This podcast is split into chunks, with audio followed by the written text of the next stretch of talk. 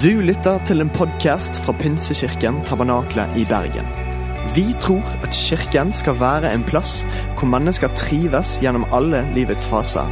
En kirke for hele livet. Ønsker du å bli bedre kjent med oss eller holde deg oppdatert? Besøk vår Facebook-side eller ptb.no. Her er ukens tale. Jeg har en tittel på talen min i dag som eh, eh, Noen sy- syns sikkert er litt eh, gal, eh, eller ikke riktig, kanskje. Eh, men eh, nå kaster jeg den ut. Her er tittelen. 'Gud er en kake'. Da kan jeg egentlig bare gå. Nei. Eh, det som er da, Opp gjennom mange år så har jeg forholdt meg til dette konseptet at Gud er litt sånn som en kake. Til tider mer og til tider mindre. Men det som er, er at jeg har mange ganger tenkt at Gud er begrensa. Fordi i min verden, jeg vet ikke med deg, så er det sånn at eh, det er litt vanskelig å forstå Gud som ubegrensa, en som betingelses, har betingelsesløs kjærlighet for meg. Fordi det er konsepter som jeg syns er litt fjerne. I vår verden så er det veldig lite som er betingelsesløst eller eh, gratis eller gitt oss uten at vi gir noe tilbake. Det er alltid eh, lite grann til alle, om det i så fall er litt til alle. Det er ikke alltid det er det. Vi som lever her på denne sida av jordkloden, har det fantastisk, men vi vet at på andre siden av jordkloden så er det ikke sånn. Og det som er greia, er at det er litt vanskelig å forstå et konsept om at Gud er nok. Så Derfor så havner jeg i tanken om at Gud er en kake. Fordi når vi hadde kake når jeg var liten, så jeg vet ikke med deg, så, så var det som om hadde, Da hadde vi ofte besøk. Eh, Og da var det sånn at eh, Du tok et stykke, du lot gjestene selvfølgelig ta først. Det gjør du jo alltid. Og så var, kom det til din tur, og du skulle ta det kakestykket. Og du bare hører mammaen din Kan være pappaen din i din familie. Litt uklart hvem det kan være i din familie. Bare sett deg, inn i, deg inn i følelsen. Og du sitter der, og kaka er favorittkaka di. Eh, og du tenker bare Nå skal jeg bare ta et stort stykke. Og så hører du Husk at det skal være nok til alle! Er det noen som kjenner seg igjen? Men det er ikke det at de sier det. Ikke i min familie, i hvert fall. For mamma er trønder, hun ville ikke sagt det så høyt. For hun er litt sånn mild trønder. Eh, jeg vet det, det er veldig rart. Husk at du da, da, da. Eh, Mamma, hvis du hører den podkasten, sorry, du høres ikke sånn ut. Men så er det sånn at jeg kunne se blikket hennes. Blikket var egentlig nok. Den derre smilet. Men intense blikket på Husk hva vi har snakka om. Ikke mer enn litt. Sørg for at det er noe igjen. For selv om alle hadde fått, så var det sånn at det skulle være noe igjen etter jeg var sistemann. Noen som kjenner seg igjen? Og det som er greia, at Man er jo alltid redd for at det skal ikke være nok for alle. Og litt sånn har jeg på en måte forholdt meg til Gud. At han er en kake, og hvis noen får noe, så er det litt mindre igjen for meg. Og da blir jeg litt stressa. Altså, og det er liksom sånn jeg så på folk tok kake da jeg var liten, da, så var det liksom, du fulgte ganske godt med. Jeg tok meg sjøl i å følge med på hvordan, eh, hva broren min tok til guacamole på tacoen i jula. Fordi jeg var litt redd for at han skulle ta for mye, fordi jeg har vært så mye på leir og redd for at ikke alle skal få. Så jeg fulgte med et sånt blikk veldig nøye med, og han bare sånn Hva er det du driver med? Jeg bare Nei. Følge med at alle skal få nok, tenkte jeg. Jeg var livredd for at det ikke skulle være nok guac til alle. Og sånn, sånn tror jeg det noen ganger er med vårt forhold til Gud. At vi, er, vi tenker at Gud er begrensa. Så derfor så forholder vi oss til at hvis noen har fått noe, så betyr det jo at det er mindre til meg. Og så er det sånn at Man er redd for at man ikke skal få det man trenger, men noen ganger er man jo også redd for at de andre ikke skal få det de trenger. For noen ganger så er man jo litt seint. Så man tenker sånn Jeg husker jeg kunne be sånn her bønn på bibelskolen i Oslo. Kjære Gud, om jeg aldri får noe som helst fra deg, Gud, så bare be om at Tore skal få det. Og så er det bare sånn Wow, for en helgen, tenker dere. Og så er det jo bare helt feil. Det er teologisk feil. Det er feil på alle måter fordi jeg begrenser Gud. Mitt bilde av Gud er forskrudd. Det er feil. Gud har mer enn nok. Han er ikke, han ikke begrensa til en kakeform, til en langpanne. Han er mye større enn det. Og det det egentlig sier om meg, er at når jeg sitter og følger med på hva alle andre får, så er jeg kanskje misunnelig. Ah, hun skal snakke om misunnelse. Ja, det skal jeg. Den følelsen når Anna, som hadde samme oppgave på teologien som jeg, brukte to dager på det jeg brukte flere uker på, og hun fikk eh, la oss si, dobbelt så god karakter. Jeg satt tolv timer om dagen. Hun satt to dager. Eller den følelsen når eh, jeg bodde hjemme i to år etter jeg hadde bodd på andre sida av jordkloden i fire år. Bodde hjemme med foreldrene mine for å spare til å kjøpe en leilighet, som egentlig er en fantastisk mulighet. Men når da venninna di får en leilighet av foreldrene til fire millioner, så ble det plutselig litt sånn Du begynte å følge litt med på den andre. Eller når jeg sitter i jula og ser alle poster foran juletrærne, og det ser så perfekt ut. Eh, og du tenker at eh, alle, sine, alle, andre sine familier er så perfekte, eller alle andre sine liv er så perfekte, eller jula deres ser så fredfull og deilig ut. Og, og min jul var fin, den, altså, men den så ikke på langt nær så fin ut som din på Instagram. Den følelsen av å tenke og se på og misunne og følge med på og sammenligne og jeg blir til tider så misunnelig. Jeg trodde ikke dette var et konsept for meg, fordi jeg trodde da jeg var en saint. Jeg ba jo for alle andre at de skulle få det de trengte. Så jeg, jeg hadde jo absolutt et forvridd bilde i hodet mitt av at jeg ikke var misunnelig, helt jeg skjønte at jeg var misunnelig. Når jeg så på altså hvordan man definerer misunnelse, da skjønte jeg plutselig at her har jeg litt å gå på så kan det hende at du har lyst til å bli med meg på denne reisen om misunnelse. Du er jo sikkert ikke sånn som meg, så derfor så kan jo du bare slappe av og ikke tenke så mye på det og kose deg. og De fleste er jo ofte litt bedre enn meg, så det er jo greit.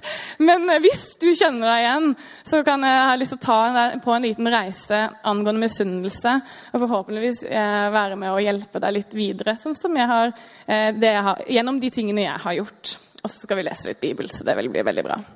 Men misunnelse er dette her. At å se at noen andre har det bedre deg, eller frykten for at noen ser bedre ut, er bedre, kan noe bedre enn deg. Frykten for å ikke ha nok eller være nok. Eh, man snakker om FOMO, fear of missing out. Og så er det noe som også heter FORO, hvis du ikke har fått med deg det. Det er det nye. Det kan du skrive ned. Det er da fear of running out. Det å ikke ha nok. Å være nok. Når du ser noen andre få de mulighetene som du ville ha, og du hadde jobba skikkelig hardt for det, den jobben, den muligheten, den ferien Du kan putte inn hva det er for i ditt liv. Og Vi er alle enige om at misunnelse er ikke så veldig bra. ikke sant? Vi, vi tenker at det, det, er en, det, er ikke bra. Man skal ikke misunne mennesker noe som helst. Men så lurer jeg litt på om vi tør å innrømme og bare sette speilet opp og så se på oss selv. Gjør vi egentlig det? Misunner vi? Misunner vi? Sammenligner vi? Og hva om det egentlig kommer og koker ned til mangelen på tillit til at Gud har nok for oss, og er nok, og er større enn en langpanneform, og at han har fantastiske ting for oss og har noen løfter for oss? Kanskje. Det er en historie, Jeg har tenkt å fortelle deg historien om Jakob og Esau i Bibelen. Det er kapittel, eh, Første Mosebok kapittel eh, 25 til 33. Og jeg skal ikke lese den teksten til deg, så du kan si takk for det. For det er mange kapitler. Du kan telle. Eh, og det som er at Jeg skal fortelle denne historien og trekke ut noen ting av denne historien og komme med tre påstander om misunnelse. Jeg kunne sagt mange andre ting. Men dette er det jeg velger å si. Og Du kunne trukket ut mange andre ting ut av denne teksten, men du kan få lov til å lese den selv, fordi vi er en bibellesende kirke. Utfordra til å lese den teksten. Tar du den, vær så god. Ok, Historien er en kjent historie, og jeg kjenner meg litt igjen i den. Og jeg vet ikke om du gjør det. Og jeg kommer til å lese litt mellom linjene også. Det har du fullstendig lov til, fordi menneskene i Bibelen er nettopp det. De er mennesker. Så jeg kan ofte kjenne igjen, og jeg kan kjenne litt, jeg spiller ofte filmen i hodet mitt på hva er det de følte, hvordan måtte det vært. Så jeg legger litt imellom linjene, og det tåler du. Derfor så utfordrer jeg også til å lese det selv, for kanskje, kanskje tar jeg feil. Men kanskje er det noe vi kan lære av denne, de, tinga jeg leser imellom også. Vi snakker veldig sjelden om Jakobs behov for anerkjennelse, velsignelse og godkjennelse. og Det er nettopp det jeg har lyst til å ta touche litt borti. Jakob betyr navnet lurendreier, eller en som narrer til seg noe. Det står at når han ble født, så, så prøvde han å dra broren sin vekk, sånn at han skulle komme først ut. Jeg vet ikke. Han har tvilling. Alltid en krangel der. ikke sant? Hvem er best? Hvem kom først? Jeg vet ikke. Jeg er ikke tvilling, så jeg vet ikke. Jeg har alltid drømt om å være tvilling, men det er litt seint nå. Eh, du har mor Rebekka, og du har far Isak. og de er sånn at Når Rebekka er gravid, så eh, får hun et løfte fra Gud om at Gud skal velsigne Jakob. Eller det står, eh, det står at Gud sier at han skal velsigne den yngste. Og så tenker vi sånn Så flott, da. Ja, ja, så flott. Men det som er at når du leser den teksten i den konteksten som den ble skrevet i, så var det litt sjokkerende. Fordi du skulle velsigne den eldste først, og ikke den yngste. Allerede her er det noe som, ikke helt, eh, som ikke gir helt mening. Esau, ser for deg han, han er, han er sånn, Jeg ser for meg sånn to meter, rødhåra mannemann, barsk. Eh, liksom, mm, eh, og han, han, har fullt liksom, tjukt hår, hår, hårete, liksom. Eh, dyktig jeger, mye ute. Eh, bortsett fra det Nei, jeg skal ikke si det. Eh, og så har du Noen ganger så må man bare holde seg igjen. Og så har du da Jakob. Som er den der følelsesklumpen, kanskje. Myke, gode. Han liker å være inne. Han eh, er ikke så glad i vinter, sånn som meg. Han er liksom Mamma! Liksom, han lager mat med mammaen sin. og Det er flott. Han er en godklump. Den gode samtalen, den liker han. Ikke sant? Og så har da Litt sånn interessant, og her tenker jeg det, det sier noe. altså Det hinter framover. Det er et frampek, som vi lærte i norsken. Eh, Isak elska Esau mest. Og så har du Jakob. Han ble elsket mest av Rebekka, mammaen. Allerede her ligger det en fantastisk grobunn for eh, misunnelse. Jeg vet ikke med deg, men jeg prøvde alltid å være mamma og pappa sin favoritt. Eh, og det var alltid en krangel mellom meg og min bror på hvem som fikk mest ostepop. hvem som fikk mest... Altså sånn, Man satt og telte ostepoppene på lørdagen. Eh, det er viktig, fordi han skulle ikke få noe mer enn meg, han skulle ikke få noe mer enn meg. Og sånn var det Eller hun. Altså, ja, Dere skjønte greia. Det var misunnelse altså, i bunnen mellom oss to. Og Sånn tror jeg det var litt med Jakob Esau. Hvis du har søsken, så skjønner du sikkert litt greia. Min første påstand er det her. Misunnelse er å sammenligne seg. En mangel på tilfredshet. Den følelsen oh, Du sitter på restaurant. Du bestiller maten din. Du tror du har gjort et godt valg. Maten din kommer ut. Dette skjedde med meg i går. Jeg kjøpte noen sånne kjipe, ekle puter. Eh, og så kommer Tobins mat ut. Deilig, saftig pizza med sånn deilig crispy eh, bunn ikke sant? og skorpe. Den følelsen når du tenker 'Jeg tok helt feil'. Kjenner du deg igjen? Og du bare sånn 'Jeg skulle jo bare ha kjøpt det'. Men hvis ikke Tobin hadde sittet der, så lurer jeg på om jeg hadde vært fornøyd med min pasta.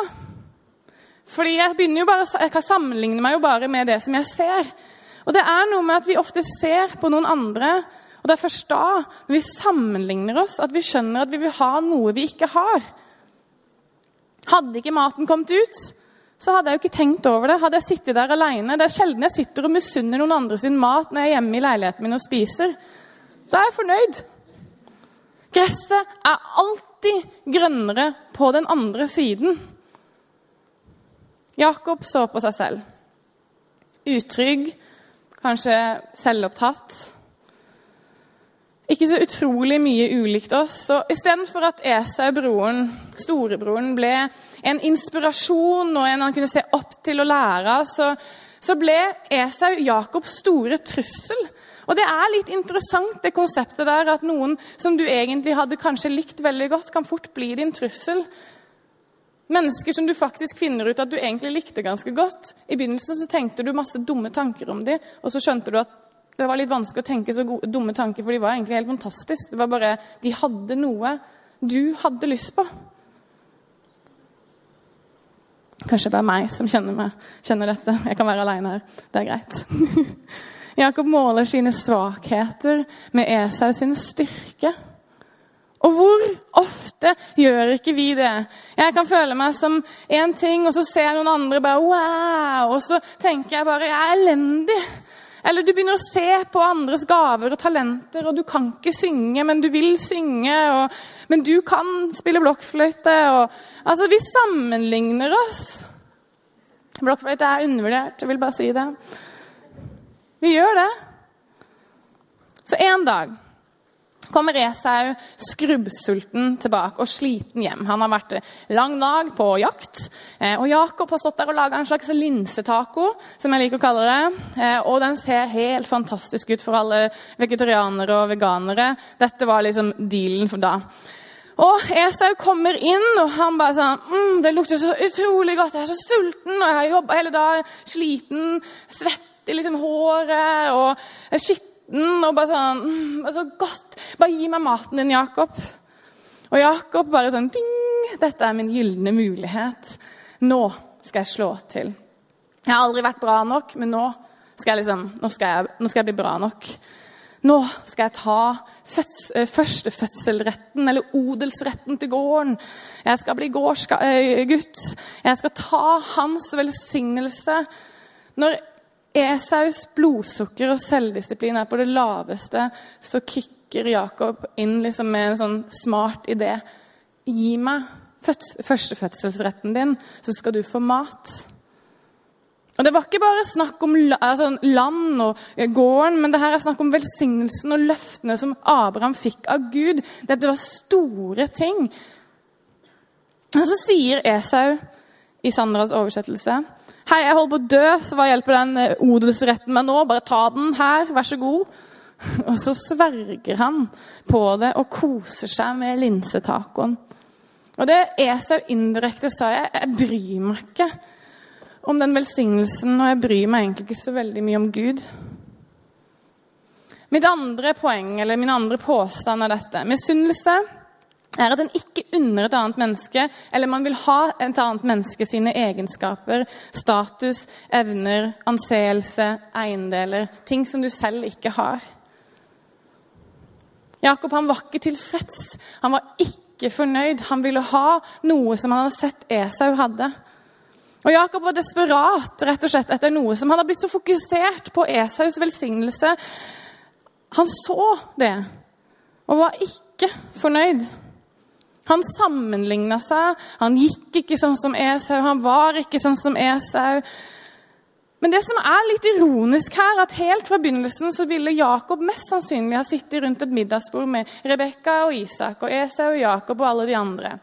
Og Rebekka, som elska Jakob mest, ville ha sagt rundt det middagsbordet sånn som det var vanlig da, å snakke om historiene, snakke om det som var og det som skulle komme. Det var vanlig å sitte der lenge. Så ville Rebekka ha sagt Jakob, du var velsigna fra begynnelsen av. Hun ville ha gnidd det inn. Hun ville ha sagt det så tydelig. Hun ville ha tatt Jakob til side når Esau banka han. Og så ville hun ha sagt, 'Men Jakob, du er velsigna.' Vil, han ville ha visst det. Han ville ha hørt det så ofte, helt til det poenget Helt til han plutselig bare sånn ah, 'Mamma, jeg hørte det nå!' Han visste at han hadde sin egen velsignelse fra Gud, men han ville ha noe som Esau hadde. Noe annet enn det Gud hadde for han, eller i en annen timing. Og det er ikke det er liksom Når en ikke unner noen andre godt, så er det kanskje ikke fordi at man ikke har lyst til at de skal ha det bra. Men kanskje er det fordi han ikke stoler på at Gud har mer enn nok for en selv. Eller at det Gud har, er bra nok, er et stort, er like stort stykke av denne kaka. Men Gud er ingen kake, han er ingen langpanne sjokoladekake. Han har mer enn nok for alle oss. Det går ikke tomt. Han er ikke en som, som, som blir tom. Gud holder det han lover, uavhengig om vi gjør alt riktig. og Det er veldig godt å vite. Så la naboens gress være grønt, og gled deg over det. Det å se på jeg satt og så på The Voice og bare se på families glede over, over andre sine liksom, prestasjoner, at de gjør det bra. La det få lov til å bli kjennetegnet vårt. At vi gleder oss så mye over at andre gjør gode ting. Til og med når det er det vi drømmer om selv, det vi ønsker, det vi lengter etter. La oss være sånne, men det er ikke lett. Men det krever at vi får noen ting på plass. Jeg tror at Hvis ikke vi kan bli glad på andre sine vegne når de får det vi ønsker oss, eller det de ønsker seg, så er det stor sjanse for at vi ikke får det vi ønsker oss. Og Det er ganske hardt å si det, men jeg tror det er fordi du blir så opptatt av å utvikle naboens gress og vanne naboens gress istedenfor å utvikle det du har fått, og være takknemlig for det du har fått. Når du begynner å gjødsle naboens gress, så er det ikke så rart at gresset ditt ser litt kjipt ut. Det hjelper ikke. Du må faktisk gjøre noe selv. Du må faktisk bruke tid der du er. Og så er det timing, og det er, ti, altså det er en tid for alt. Det er en sesong, og kanskje ikke gresset ditt ser så fint ut den ene sesongen, men kanskje neste sesong så ser det helt fantastisk ut. Så går tida. Og Isak begynner å bli gammel, han ser dårlig. og En dag så sier han til Esau Esau, i dag skal jeg velsigne deg, gå ut og tilbered et måltid som jeg, vi skal ha sammen. Han går ut, Esau stikker ut, begynner å jakte på et eller annet dyr som han skal lage mat av. Og så hører Rebekka dette, mammaen til Jakob og Esau, og tenker dette er sjansen. Jakob, kom hit. Nå er det sånn at det skjer i dag. Velsignelsen blir gitt i dag. Så du må gå og lage et måltid. Ta det med inn til Isak. Sett deg foran han. Du har studert Esau i mange år. Du vet hvordan han går, hvordan han snakker, hvordan han legger toneleie, hvordan toneleie er. Du vet. Bare lat som du er Esau. Ta på deg noen skinnfeller så du kjennes hårete ut. Sørg for å gå inn der nå. Gjør det nå. Jakob tviler litt. Litt usikker på om dette er greit, men så er det noe i han. Hele livet så har han vært rett bak Esau. Kanskje dette er sjansen jeg vil ha den velsignelsen, så han går inn og later som han er Esau og gjør alle de riktige tingene og får velsignelsen. Esau kommer rett etterpå og skjønner at han har tapt velsignelsen. Og det er for sent. Esau blir så sint at Rebekka blir redd for Jakob og sender han til broren Laban. Hun var redd for at Esau kom til å ta livet av Jakob, og han drar av gårde. Min tredje påstand er at misunnelse er at du ikke stoler på at Gud holder sine løfter, så du tar saken i egne hender. Når du tar til deg noe som du ikke skulle hatt, i hvert fall ikke i den tida. Når du bare ser på naboens gress bli grønnere og grønnere for du vanner der og glemmer å vanne ditt eget, som kunne vært like fint om du vanna det, gjødsla det og sørga for å klippe det og, og gjøre det fint. Jakob så bare på det han selv ikke hadde. Og så så han på Esau sin velsignelse som han hadde lengta etter. Og tenkte at det kan jo umulig være noe igjen i den langpanna der. Rebekka gjorde jo egentlig ikke ting så mye lettere heller. og det, det, får meg til å tenke på at det er utrolig viktig å ha riktige mennesker rundt oss. Folk som, som snakker sannhet, som hjelper oss å se at det er mer enn nok. Det ser kanskje annerledes ut, men hjelper oss til å peke på det som er sant. Jeg tror det er så utrolig viktig å tenke på hvem er det du har rundt deg. Hvem er, vennene dine, hvem er vennene dine? Kanskje derfor er det viktigere noensinne å være i en life-gruppe med folk som snakker sannhet inn i livet ditt. Jakob har dratt, og på veien Og dette er, hvis du skal lese Bibelen, her er noen gode tips. Når du står underveis eller på veien, så bør du sperre opp øynene. Da skjer det noe. På veien så møter Jakob Gud i en drøm. Og Gud velsigner han og lover han å holde hans løfter til Jakob. Og For første gang ser vi et nydelig skifte. At Jakob har, ser ikke bare på Gud som sin fars Gud lenger, men det er et skifte. Han snakker om Gud som sin egen Gud.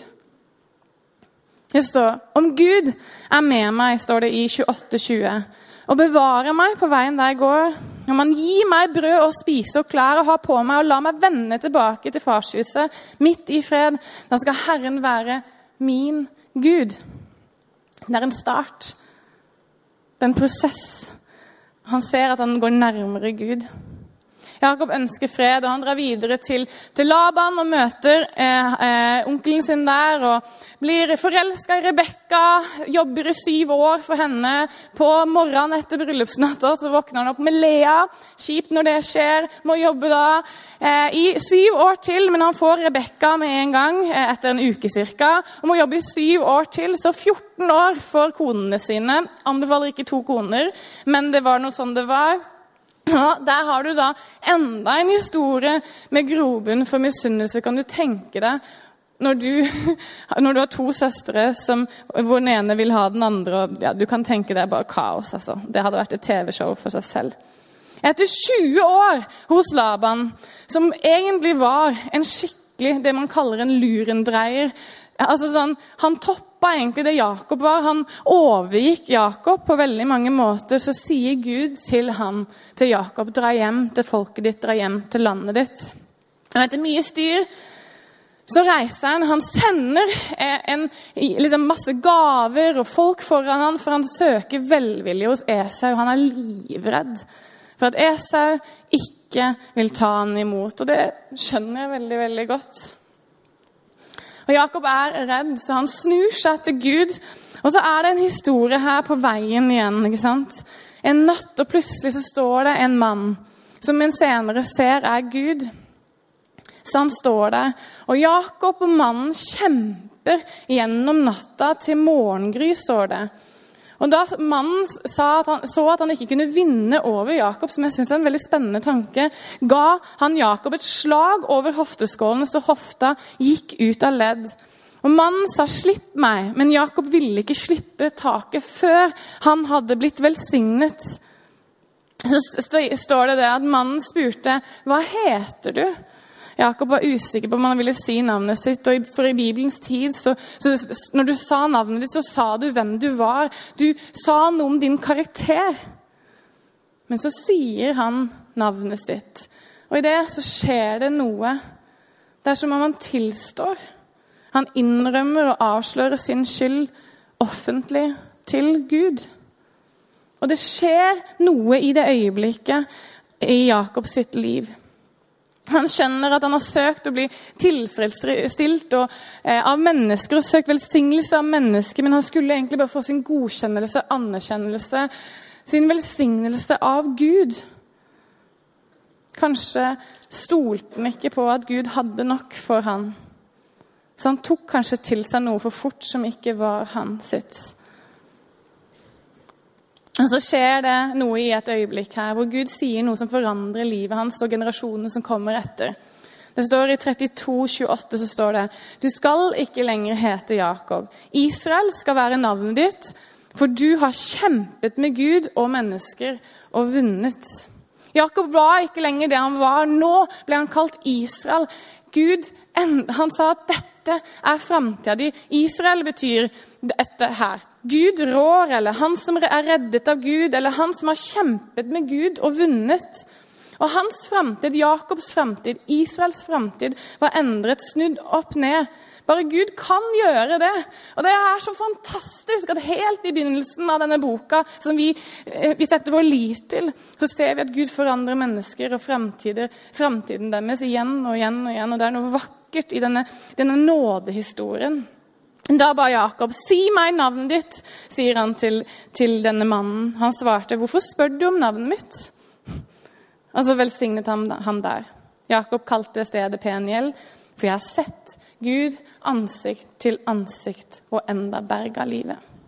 Og solen går opp, og det er så nydelig teksten. Det går opp over hans tvil, over hans feil, over hans synder, hans behov for kontroll og hans fortid. Hans nye liv er i gang. Akkurat som idet sola står opp, så står hans nye liv opp. Hans liv i lyset. Han er ikke lenger redd for Esau. For den velsignelsen og godkjennelsen og anerkjennelsen han søkte hos Esau og andre mennesker, den var nå hos Gud. Der den skulle være. Sånn som det egentlig var ment til. Esau han møter Esau som en ny mann, en mann som er kalt til å bli en leder for Guds folk.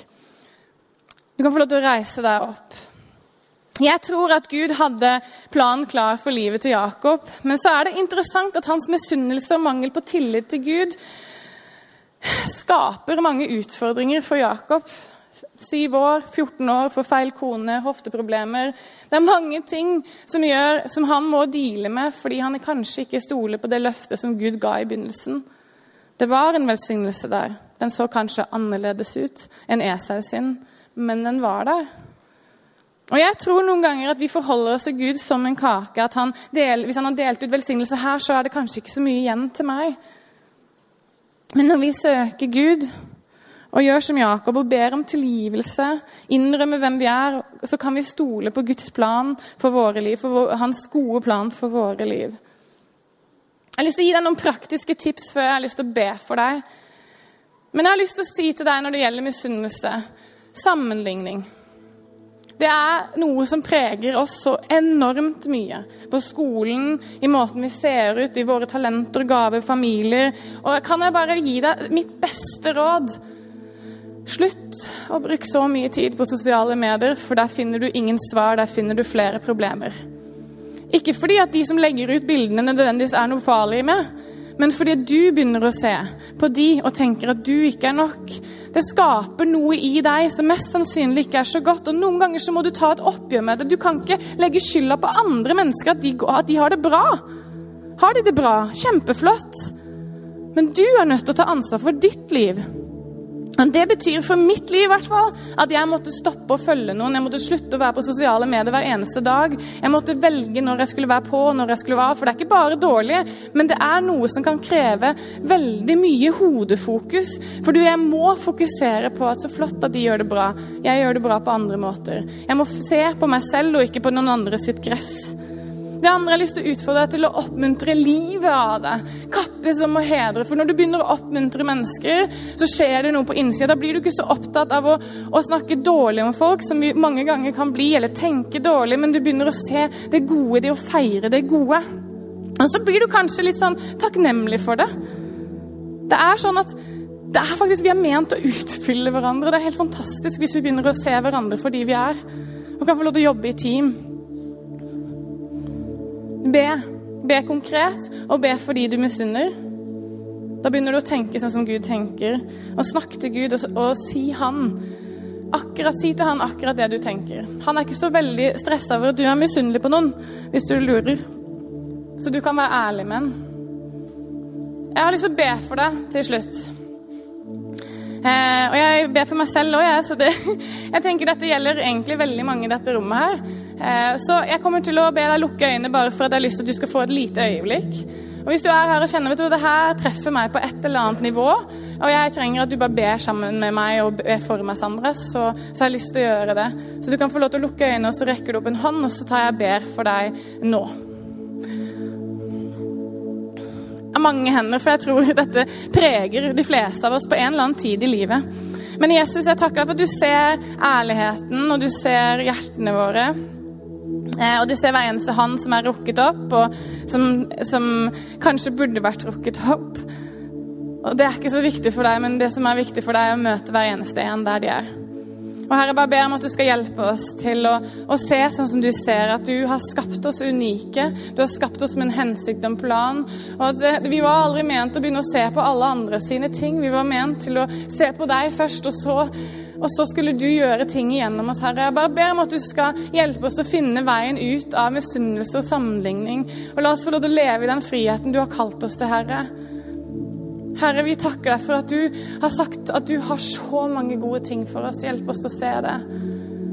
Hjelp oss til å bli ikke så fokusert på alt rundt oss, men jeg blir heller mer fokusert på hvor fantastisk du er, Gud, og hvor fantastisk ditt skaperverk er, Herre. Hjelp oss til å glede oss, glede oss over andre sine eh, seire og gode ting, Herre. Og hjelp oss til å se hva som er bra i våre liv, Herre. Pek på sannheter. Pek på det som er sant, Gud. Du som er sannheten selv. Amen.